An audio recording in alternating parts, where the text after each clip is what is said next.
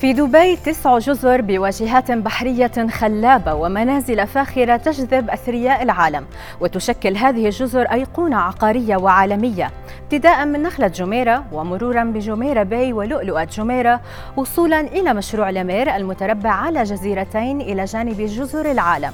ونضيف على ذلك دبي هاربر وجزر دبي المعروفة بجزر ديرة فضلا عن جزيرة بلو ووترز كلها مشاريع عقارية حققت أرقاما قياسية في السوق العقاري. خاصة أنها سجلت خلال أول خمسة أشهر من العام الجاري أكثر من 3800 صفقة بيع عقارية بقيمة إجمالية تجاوزت 28 مليار و200 مليون درهم ما يشكل نحو 18.9% من إجمالي المبيعات العقارية في دبي.